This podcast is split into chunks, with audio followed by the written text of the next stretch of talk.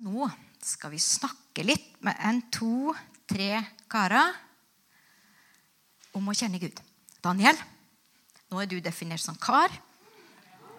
Om du kanskje er litt ung. Daniel Kanestrøm, 13. 13 år. Benjamin Sochol, 30 og noe. Ja, kan snu. Han har tretallet først. Har du ikke det? Fire.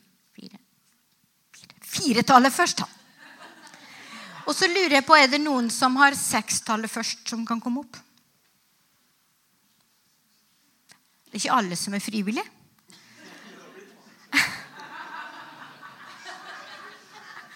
Lars har sekstallet først. Så her har vi en fin bukett av karer som jeg har lyst til å snakke litt med om det å kjenne Gud. Daniel, du er 13 år. Når jeg sier 'å kjenne Gud', hva hvilke tanker går gjennom hodet ditt da? Eller hva, hva kommer opp i deg? Det som kommer gjennom meg da, det er å føle Gud på en spesiell måte. Det er egentlig det beste man kan. Så det er det jeg tenker. Ja. Lars, hva tenker du? Jeg tenker det at uh, å kjenne Gud, så er det, det er et, uh, det er en relasjon, det er et liv. Uh, det, det, er på en måte en, en fred, tenker jeg, da. gjennom livet og forskjellige opp- og nedturer og alt som skjer. Så å kjenne på, på en fred fra Gud. Benjamin, du vokste opp i et annet land, men kanskje det er litt på samme viset? Um, jeg tror ikke det var akkurat det samme, men det går i samme retning. Så jeg vokste opp med en far som var voldsom mot meg og min søstre og hele familien. egentlig. Um, han var narkotiker og jeg tror nesten hver dag full. Ja, så um, det var ikke et veldig godt opplevelse. Um, og det har prega mitt bilde av Gud. Um, jeg var alltid redd. Jeg tenkte Gud alltid ser ned på meg og ser alt hva jeg gjør galt, osv. Um, helt feil gudsbilde, men man sier som man opplever sin far, sånn opplever man også Gud. Og det, det kan jeg bekrefte, ja. Um, det var i 2011. Uh, så på den tiden, før den tiden, før 2011, har jeg bestemt jeg vil ikke ha noe å gjøre med Gud. Jeg skal ikke leve lenger med Gud på all slags grunner. Og det var 2011. Da var det et stor tsunami i Japan. Kanskje noen husker det? Ja, pappa, ja. Um, og um, jeg har sett på mange nyheter, videoer og lest mange artikler osv. Hei, Daniel. Hei. Og, og jeg var livsredd. Så jeg har sett på alle disse, hele katastrofen. Jeg var livsredd, og jeg spurte meg hva skjer med meg hvis jeg dør, hvis jeg er i en sånn katastrofe og jeg dør? Så På det tidspunktet hadde jeg ikke mye å gjøre med Gud. Um, utenom at jeg bodde i Oslo, og min søster og min svoger tok meg med til uh, gudstjeneste. Ellers jeg hadde ikke den relasjonen til Gud. Jeg bare var der uten at det var viktig for meg å lese Bibel eller lovprise Gud eller noe sånt. Og i den situasjonen jeg har sett disse bilder fra Japan. Jeg var livsredd. Så det var den ene søndagen jeg ble spurt hvordan har du, den, hvordan har du det i dag. Og jeg sa jeg har det ikke bra fordi hva som foregikk inni meg. Og hun fortalte meg om Jesus, alt som jeg har hørt før. Prekte evangeliet til meg og spurte meg etter hvert vil du, en, vil du bestemme deg for Jesus. Jeg sa ja, og i neste øyeblikk sa jeg nei. Fordi grunnen var akkurat jeg vil ikke bestemme meg av at jeg var redd. Um, men samme kveld jeg gikk hjem, samme kveld så ba jeg og sa til Gud hvis du virkelig fins, da vil jeg vite hvem du virkelig er. Um, og jeg skjønte en, to, tre dager senere at den dødsfrykten var bort, og fred var der istedenfor. Ja, akkurat sånn, ja. Så det var min begynnelse med hvordan kjenne Gud. Og så tok det en veldig lang prosess um, for å forstå at Gud er ikke den onde, gamle mann som sitter der og ser på alt hva man uh, gjør galt, osv. Ja, så veldig lang prosess, men så langsomt forstår jeg det, ja. Daniel, du har opplevd også ting med Gud. Er det noe du vil dele? Ja, jeg har jo opplevd eh, ting med Gud. Og ja, når jeg vendte meg til Jesus, da var jeg faktisk eh, i dette bygget nede. Og jeg syntes egentlig at eh, Gud bare var kjedelig. Det var ingenting også. Liksom Voksne bare gikk på møte bare for å så gå på møte. Det var liksom bare det. Og så prøvde jeg også å lage en seng eller noe som vi kunne ligge på, da, av masse stoler.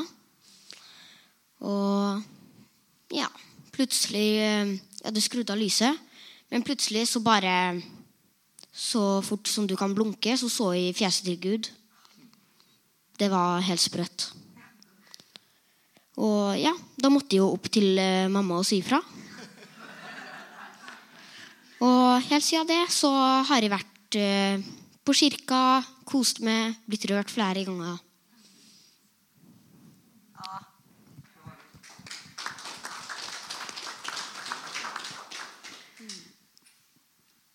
Lars, vil du ha en sluttkommentar?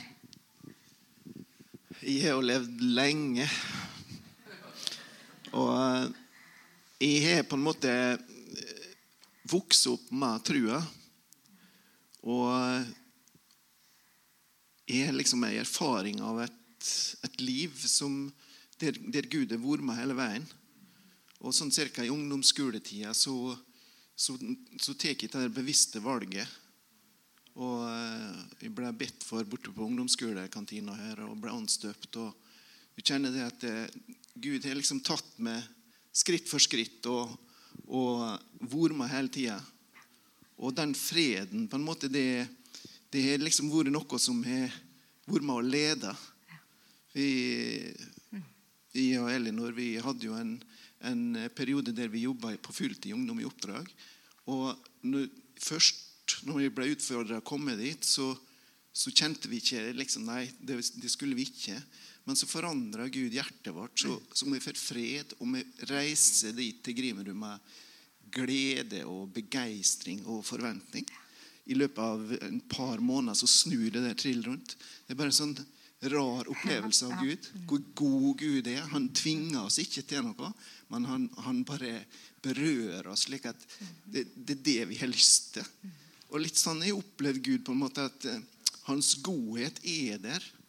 Hans godhet er der og, og følger oss på en måte. Og, og, Guds fred Når vi skal ta store avgjørelser, så leter vi etter Guds fred i det. Når vi kjenner det, så kan vi ta store avgjørelser med, med glede og forventning. Så det er litt det der livet der med Gud som på en måte er egentlig bare helt fantastisk. En applaus. Tusen takk til dere.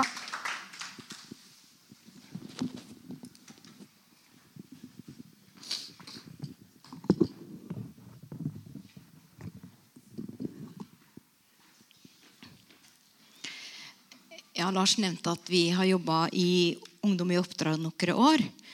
Og Ungdom i oppdrag har eh, et valgspråk som dere kanskje kjenner til. og Det er å kjenne Gud og gjøre Han kjent. Og det å, å, kjenne Gud, det har jo en, det har en start. Men, men, det har på en måte aldri en slutt. Skjønner dere hva jeg mener med det? Du begynner på en reise, og det tar aldri slutt. Stadig nye ting å oppdage. Stadig nye ting å erfare. Stadig nye ting å kjenne på. Så vi er skapt til å være i lag med Gud. Og vi er skapt. La oss være enige om det. Vi er skapt. Det er det Guds ord sier. Og vi er skapt til mann og kvinne. Det er det Guds ord sier. Og det er vi som forøker denne verden med våre handlinger. Fint. Så vi blir flere. Men det trengs en mann og en kvinne for at det skal være liv på jorda. Og det skal vi verne rundt. Hegne rundt. Og vi trenger gode familier. Skal det være godt å vokse opp. Vi trenger å vite at det er trygt hjemme. Så hører vi Benjamin sin historie, som har møtt Gud, og Gud har, Gud har lega ting. Men det, i verden i dag så er det veldig mange ulike inngangspunkter til å bli kjent med Gud og fortsette å bli kjent med Gud. Og vi kan oppleve ting etter at vi har begynt på en vandring med Gud, som slettes ikke er gode. For vi lever i denne verden, og så vet vi at bare godhet og miskunnhet skal etterjage meg alle mitt livs dager fra Gud sin side. Men det skjer andre ting. Men husk at alltid Gud er der og har det gode for oss. Godhet og miskunnhet. Styrke, hjelp, trøst, løsninger, opprettelse. Men jeg tenkte jeg skulle lese litt eh, noen punkter i forhold til det. Hva, hva kan man gjøre for å lære Gud å kjenne? Som er fra, eh, fra det vi har lært i Ungdom i oppdrag. For det å velge Jesus det er på en måte en gang for alle beslutning. Altså, det, det, er en engangshendelse. på en måte. Du velger Jesus. Flytter inn og tar bolig. Og så kan det hende at vi må rededikere livet mitt og tida mi. og alt sånt. Men du, du bestemmer deg ikke opp igjen og opp igjen for å ta imot Jesus. For han flytter inn, og han tar permanent bolig og blir der til han blir ordentlig kasta ut. Hvis du skjønner hva jeg mener med det? Du, det er ikke slik at om du gjør dårlige ting, så, du, så trekker Gud seg. For Gud er der for deg. Så du må avvise Gud helt ordentlig. Og Det står en del om det i Bibelen, hvordan du skal gjøre det. Og det er, ganske, det er, det er veldig tydelig. Så Poenget mitt er at i livet vårt så er Gud med oss, og han har frelst oss, han har sona for alle våre synder.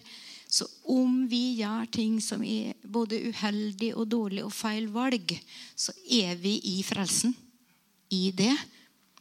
Men det er klart at eh, det er jo ei vektskål her sannsynligheten for at du kommer til det punktet da hjertet ditt blir veldig hardt imot Gud, den øker jo dess mindre du har med Gud å gjøre, og dess mer du har med dårlige ting. Altså det er Litt logikk er det jo i saken her. Det er logisk. Så det å Praktiske steg for å bli mer kjent med Gud. Og her er noen ting. Og en ting er jo, som Benjamin sa eh, er du, er, er du her, Gud? Er du reell, så åpenbar deg for meg. Så be Gud om å åpenbare seg for deg. For det er vi faktisk avhengig av. For vi kan, oss, vi kan, ikke, vi kan ikke bare studere oss til forståelse. Vi kan studere oss til kunnskap. Men Gud må åpenbare seg for meg for at jeg ser hva han er. Og så Et annet tips er jo det å være sammen med andre som du vet at uh, nyter en gudsrelasjon. Eller som kjenner Gud. Gjerne noen som er litt gamle, og til og med hongamle. Sånn? Vi har noen som jeg ville kalt hongamle her, og som er bare fantastisk å snakke med. Hongamle det betyr at du er veldig gammel. da. Du er over 60. Ja. Langt liv med Gud har frukt, og den har erfaringer. Ja. Og så er det faktisk en ting som vi ikke ofte eh, snakker så mye om, men det å bruke tid i det skapte. Altså i Guds skaperverk. Da er du veldig tett på det som han har laga. Han har laga oss. men han har jo laga skaperverket. Så det som skjer der, det må ikke vi tenke at det er noen agrotekniker først og fremst som står for. Det er skaperen. Alt som skjer i naturen, kommer ut fra skaperverket og ut fra frø. Sant? Prinsippet om å frø. Det sår seg, det, det, vokser opp igjen. Så du kan, ha, du kan lære Gud å kjenne også gjennom å se, observere det han har laga. Og så må vi ikke, tulle med at det er noen andre som har laga det. For det som er levende, det er det han som står bak. Vi kan forvalte det og, og, og, og jobbe med det og utvikle det sånn, men det, er det levende, det er det som Gud har skapt. Og så vær en som er glad i sannhet. Ikke vær redd for å stille spørsmål til noen som du opplever tar sannheter helt for altså, Eller sannheter andre tar for gitt, men som du ikke er helt klar for. Altså, det der skjønner jeg ikke.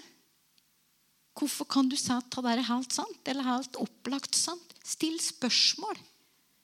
Så jeg er ikke så redd for om folk er uenige med meg. I min, I min, forståelse skal jeg si litt mer om det, så ikke det blir rot her. Men vi er på vandring. Så jeg kan se på en ting som jeg ikke har kommet helt i mål på. Og så med å snakke med andre så kan jeg òg komme i mål på det å se at ja, men det er det her Guds ordet sier. Ja, jeg tar det inn jeg forstår mer.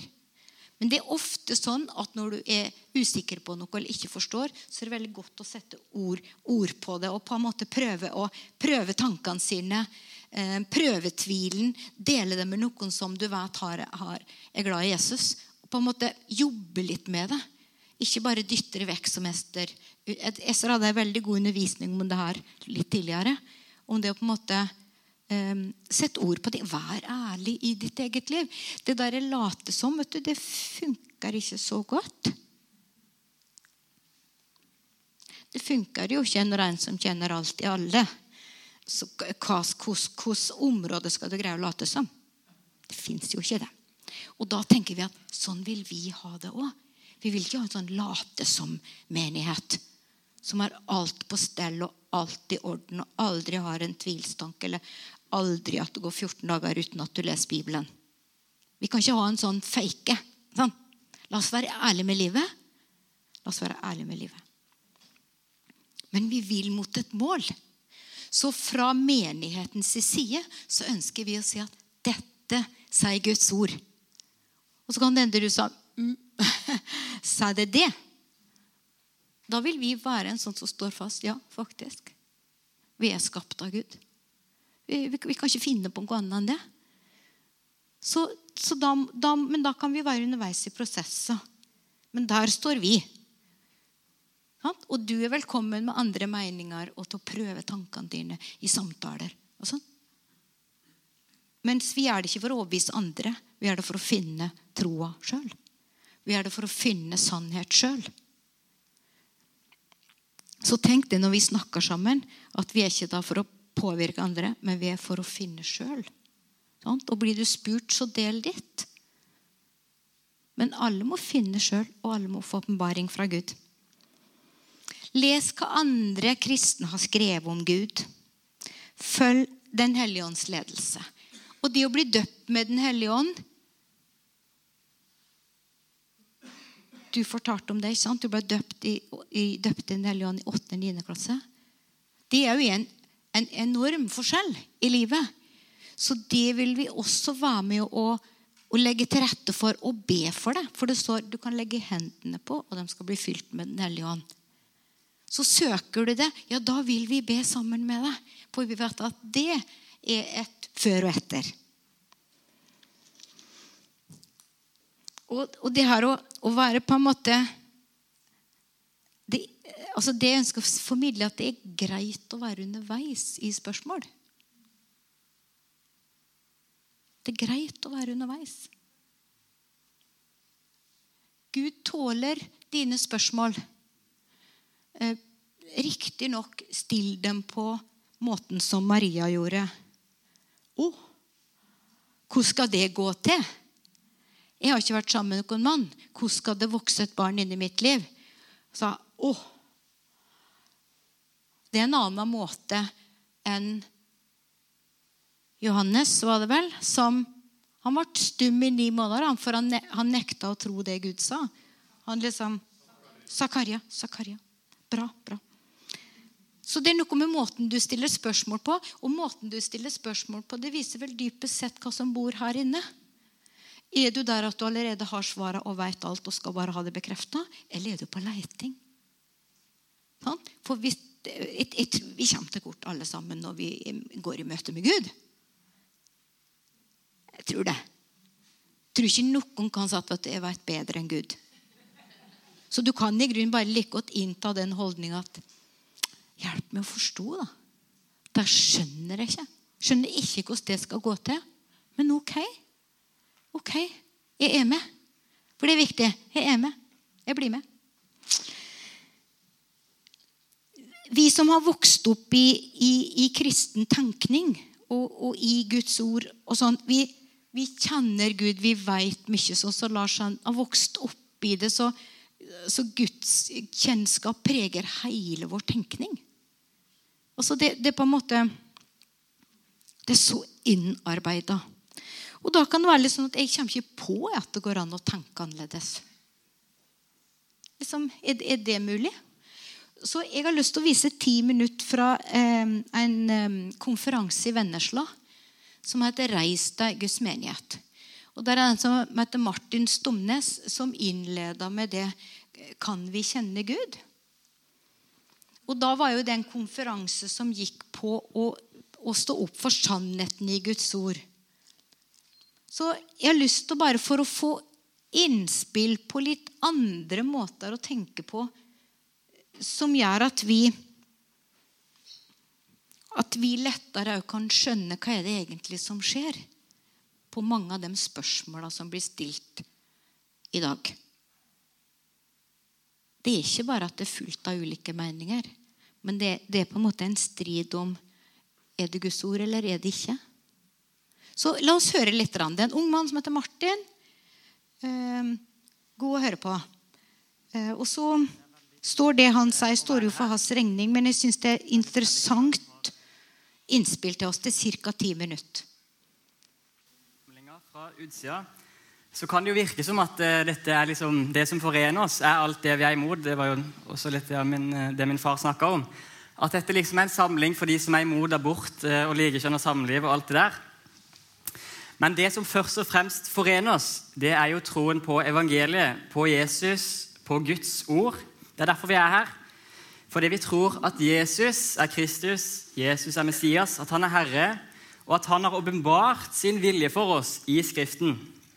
Vi har enhet og fellesskap først og fremst fordi vi tror at det er mulig for Gud å åpenbare sin vilje for oss, sånn at vi kan forstå det og følge det han har sagt.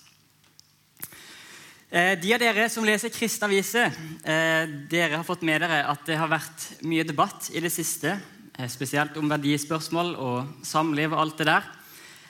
Og nå er jo ikke det noe nytt, Men det som er nytt i de siste årene, er jo at dette har også kommet inn i frikirkene. Eh, på overflaten så kan det jo virke som at dette bare handler om uh, ulike syn på ekteskapet eller kjønn.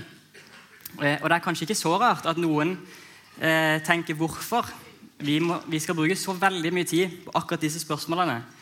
Men noe av grunnen til at disse temaene er så viktige, er fordi at problemet ligger mye dypere enn bare uenighet om enkelte teologiske dogmer og verdispørsmål.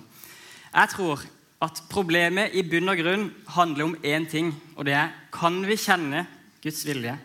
Har Gud åpenbart sin vilje for oss sånn at vi kan forstå det? Er det mulig for oss å kjenne Guds vilje? Og Hvis vi formulerer det på denne måten, så skjønner vi jo at dette er ganske viktige spørsmål. Eh, dette er jo faktisk helt fundamentalt for hele den kristne troa. Eh, og I vår så var jeg på et foredrag eh, med en teolog fra Norsk høgskole som eh, prøvde å forene skeiv ideologi med Bibelen.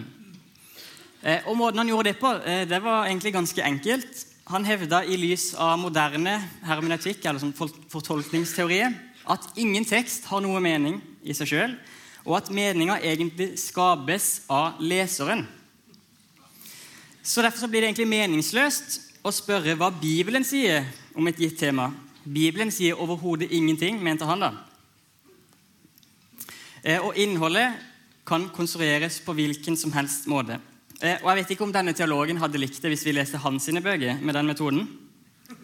Eller hvordan hadde det gått hvis de som studerer medisin, skulle studert pensumet på den måten? Hva slags lege hadde vi fått da? Konsekvensene av et sånt syn på kunnskap er jo egentlig at Skriften blir totalt verdiløs. Det blir heller ikke noe eh, mulig å få sikker kunnskap om Gud ut fra Bibelen. Og Da står jo folk fritt til å lage sin Gud i sitt eget bilde, som velsigner og støtter absolutt alt det de sjøl mener er rett. Og det er også det de gjør. Nå er det kanskje ikke så mange kristne ledere som vil gå like langt som han her, men vi finner ofte lignende syn. Fordi en vanlig innvending mot de som forsvarer en klassisk kristen tro, er jo at de tar eierskap over Bibelen. Altså, Hvem er de som tror at de har den rette tolkninga? Hvordan kan de hevde å vite hva Gud mener? Eh, og Det har på en måte blitt arrogant å ha en klassisk kristen forståelse. Eh, og Denne innvendinga den har jo på en måte noe for seg. Eh, det er sant at vi bør være ydmyke når vi snakker om Gud. Det er viktig at vi er ydmyke i møte med Skriften, for Gud han er større enn det vi kan fatte og forstå. Og så er det jo åpenbart mange ting i Skriften som er vanskelig. Vår kunnskap om Gud den er jo begrensa eh, både fordi Gud er annerledes enn oss, han er større enn oss, han er transcendent, som vi sier. Og så har vi begrensa kunnskap fordi at vi er ufullkomne. Vi er påvirka av synd. Og Jeg har aldri møtt noen kristne som, er, som ikke anerkjenner dette. Jeg har aldri møtt noen kristen som påstår at de har forstått alt om Gud. Eh, og Hvis det er noen her inne som gjør det, så vil jeg gjerne snakke med dere etterpå. Så det finnes en rett ydmykhet i møte med Skriften som vi alle bør ha. Men er det sånn at usikkerhet og tvil er det samme som ydmykhet? Altså Det virker nesten som at tvil har blitt gjort til en dyd. Og det å svare vagt på teologiske spørsmål har blitt et ideal for kristne ledere. Denne tanken om at ingen egentlig kan si noe sikkert om Gud, det fremstår som en ydmyk holdning. Det blir lagt fram og presentert som en anerkjennelse av Guds storhet og vår svakhet. Men egentlig så er det en undergravelse av Guds kraft. For det Bibelen lærer jo nettopp at Gud har talt. Bibelens Gud er en Gud som taler, som kommuniserer. En relasjonell Gud som kan kommunisere sin vilje til oss, også gjennom menneskelig språk. Det er dette vi ser Jesus og apostlene lærte, at Gud har kommet der. At det er mulig å kjenne han og følge hans ord. Ikke fordi at vi er så smarte og gode, men fordi at Gud kan åpenbare seg for oss på tross av våre begrensninger. I Apostlenes gjerninger 17 eh, så kan vi lese om da Paulus kom til Aten. Eh, og så så han denne innskriften på et av alterne hvor det sto, 'Til en ukjent Gud'. Og så sa han det som dere tilber uten å kjenne, det forkynner jeg dere. Paulus sa ikke 'dere forkynner en ukjent Gud'. Så flott, det gjør jeg også. Nei, han proklamerte frimodig sannheten, Guds åpenbaring som Gud hadde gitt ham, som også er tilgjengelig for oss i dag. At mennesket kritiserer tanken om at Gud kan åpenbare sin vilje klart for oss, er ikke noe nytt. På 1500-tallet så møtte Calvin eh, på noen som mente det var arrogant å komme med sannhetspåstander om Gud og hans vilje. Og Calvin han eh, konfronterte disse med å si at dette er et direkte angrep på Den hellige ånd og vantro over Guds evne til å åpenbare seg. Noe jeg hører veldig ofte, er det at eh, det finnes så mange ulike tolkninger så eh, en kan umulig hevde at Gud taler klart. Men jeg vil snu på dette. Fordi selv om vi er uenige om veldig mange ting, så er vi også enige om mye. Eh, og jeg har fått lov å reise en, en god del og besøkt kristne som lever i totalt andre kulturer og samfunn enn det vi gjør. Og På noen måter så er de sin tankemåte helt annerledes enn vår. Men det gjør det ekstra interessant å se at de kan ha den samme troa som oss på Gud, på evangeliet, nettopp fordi vi har det samme fundamentet, som er Skriften. Det er klart det er mange ting som er vanskelig å forstå. Og det er sant at alt må tolkes, og at vi ser fra ulike perspektiver. Men det betyr jo ikke at det ikke fins noe rett tolkning. Setninga 'Gud er kjærlighet' den må tolkes. Hva mener vi med Gud? Hva mener vi med kjærlighet? Men påstanden 'Gud er kjærlighet' betyr jo ikke 'klokka er to' eller 'Lindesnes er Norges sørligste punkt'. Vi skjønner jo at det fins en mening bak denne setninga. Og selv om kanskje ingen av oss har forstått denne enkle setninga fullt og helt, så gir han oss sikker kunnskap om Gud. Han forteller oss faktisk noe om Guds natur. Det er en falsk dikotomi å hevde at man må ha fullkommen kunnskap for å ha sikker kunnskap. For det er selv om vi ikke har fullkommen kunnskap, så kjenner vi en. Vi kjenner en som har det. Og vi kan ha sikker kunnskap fordi Gud har valgt å åpenbare seg for oss. Martin Lloyd Jones, en britisk forkynner fra det forrige århundret, han sa at den mest komfortable typen religion er alltid vag, tåkete og usikker. Jeg tror ikke det er så vanskelig å forstå hvorfor mange vil og ønsker å problematisere det at Gud taler klart. Det er jo fordi vi er syndere, og Gud er hellig. Vi vil være herre i vårt eget liv. Vi vil ikke, vi vil ikke bli dømt av noen. Det er jo veldig fint for oss hvis vi kan gjemme oss fra Guds ord, som avslører oss og dømmer oss. Men virkeligheten forsvinner ikke fordi vi tolker den vekk. Dommen forsvinner ikke fordi du slutter å tro på den. Synden forsvinner ikke fordi noen prester har bestemt seg for å velsigne han. Vi hjelper ingen med å tale utydelig om Gud og hans vilje. Det er bare å forføre folk. Den eneste løsninga er evangeliet. Vi må forkynne evangeliet klart, sånn at mennesker kan bli frelst, omvende seg og få tilgivelse. Usikkerhet i lys av våre begrensninger det er en dyd. Men det er ingen dyd å gå imot Guds åpenbaring. Det er ikke ydmykt å tale imot Gud. Altså, Hva er vel mer arrogant enn å hevde at du vet bedre enn skaperen av universet? Vi kan kjenne Gud fordi han har åpenbart seg for oss. Og Gud vil holde oss ansvarlige, og vi er ansvarlige nettopp fordi han har åpenbart sin vilje for oss. Dette er det Det gamle testamentet lærer. Det er dette vi ser hos Jesus og apostlene i Det nye testamentet.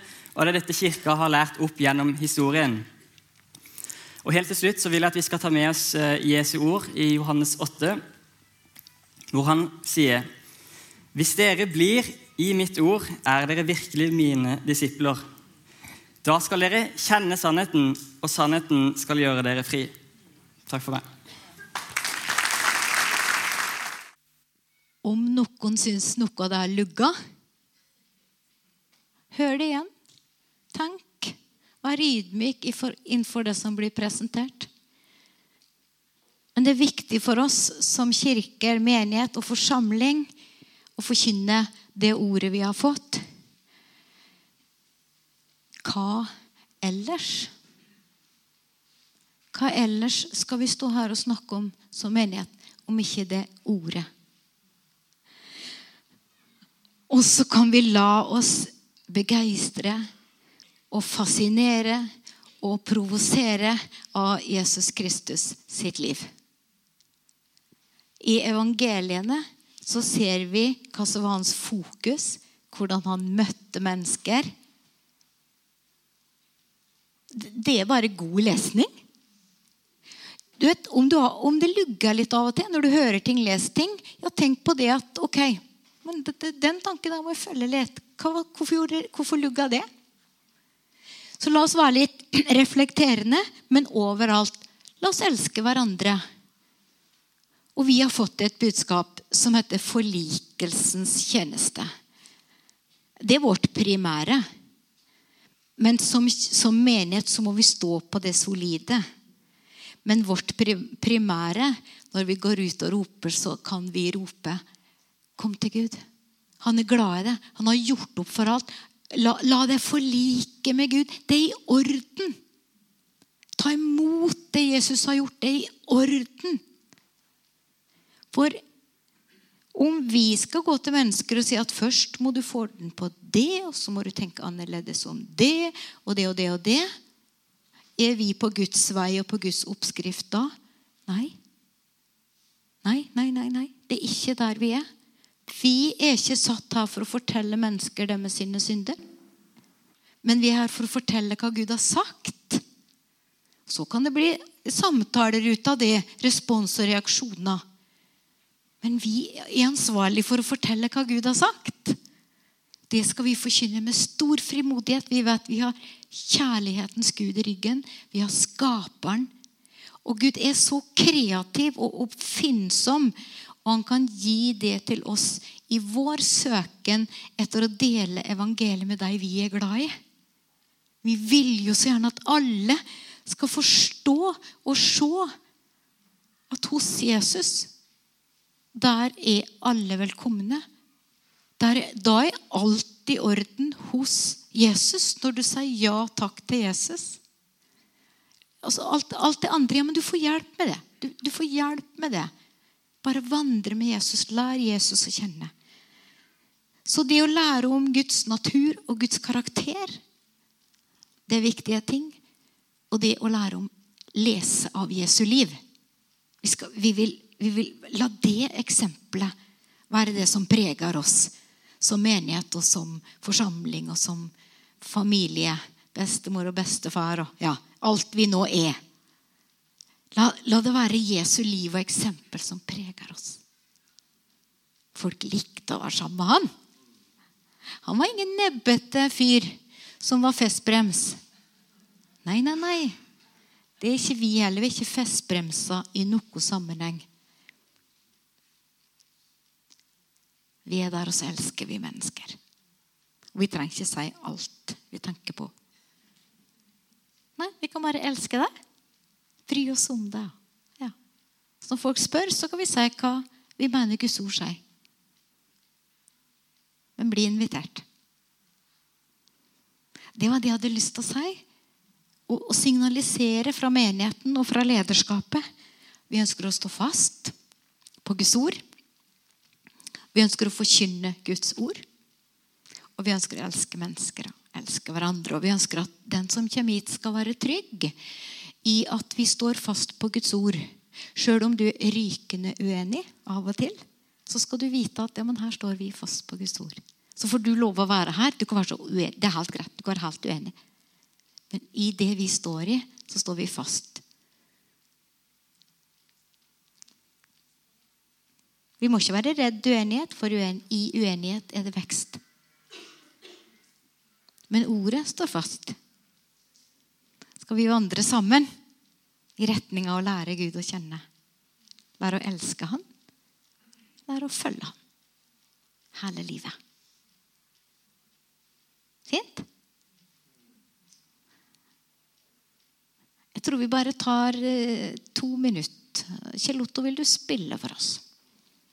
så bare er vi litt i lag med Gud. Litt tid til egen refleksjon. Så skal vi avslutte etterpå.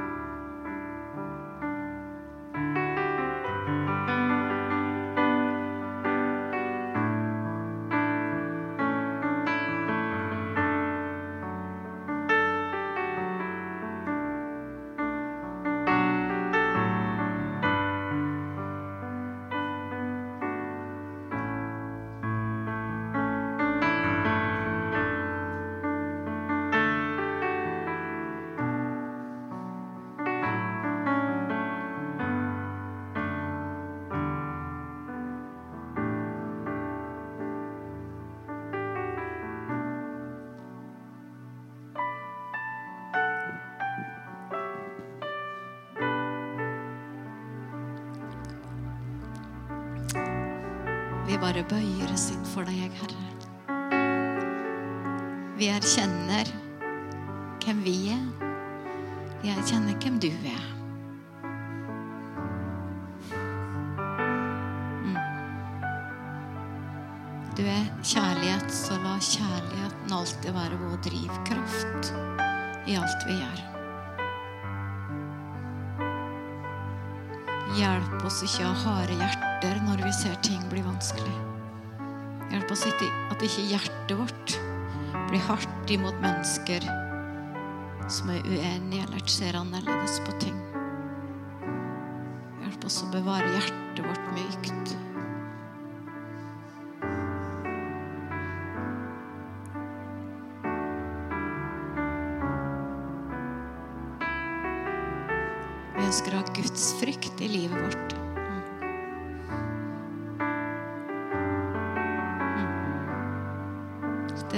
Det sier og gjør, som er vår Du har det siste ordet. Takk at du sa 'gå ut og forkynne evangeliet til alle folkeslag'. Om at du ga ditt liv for oss, så vi kan ha fellesskap med Gud igjen. Så vi kan lære deg å kjenne. Og det er det evige liv, det å kjenne deg.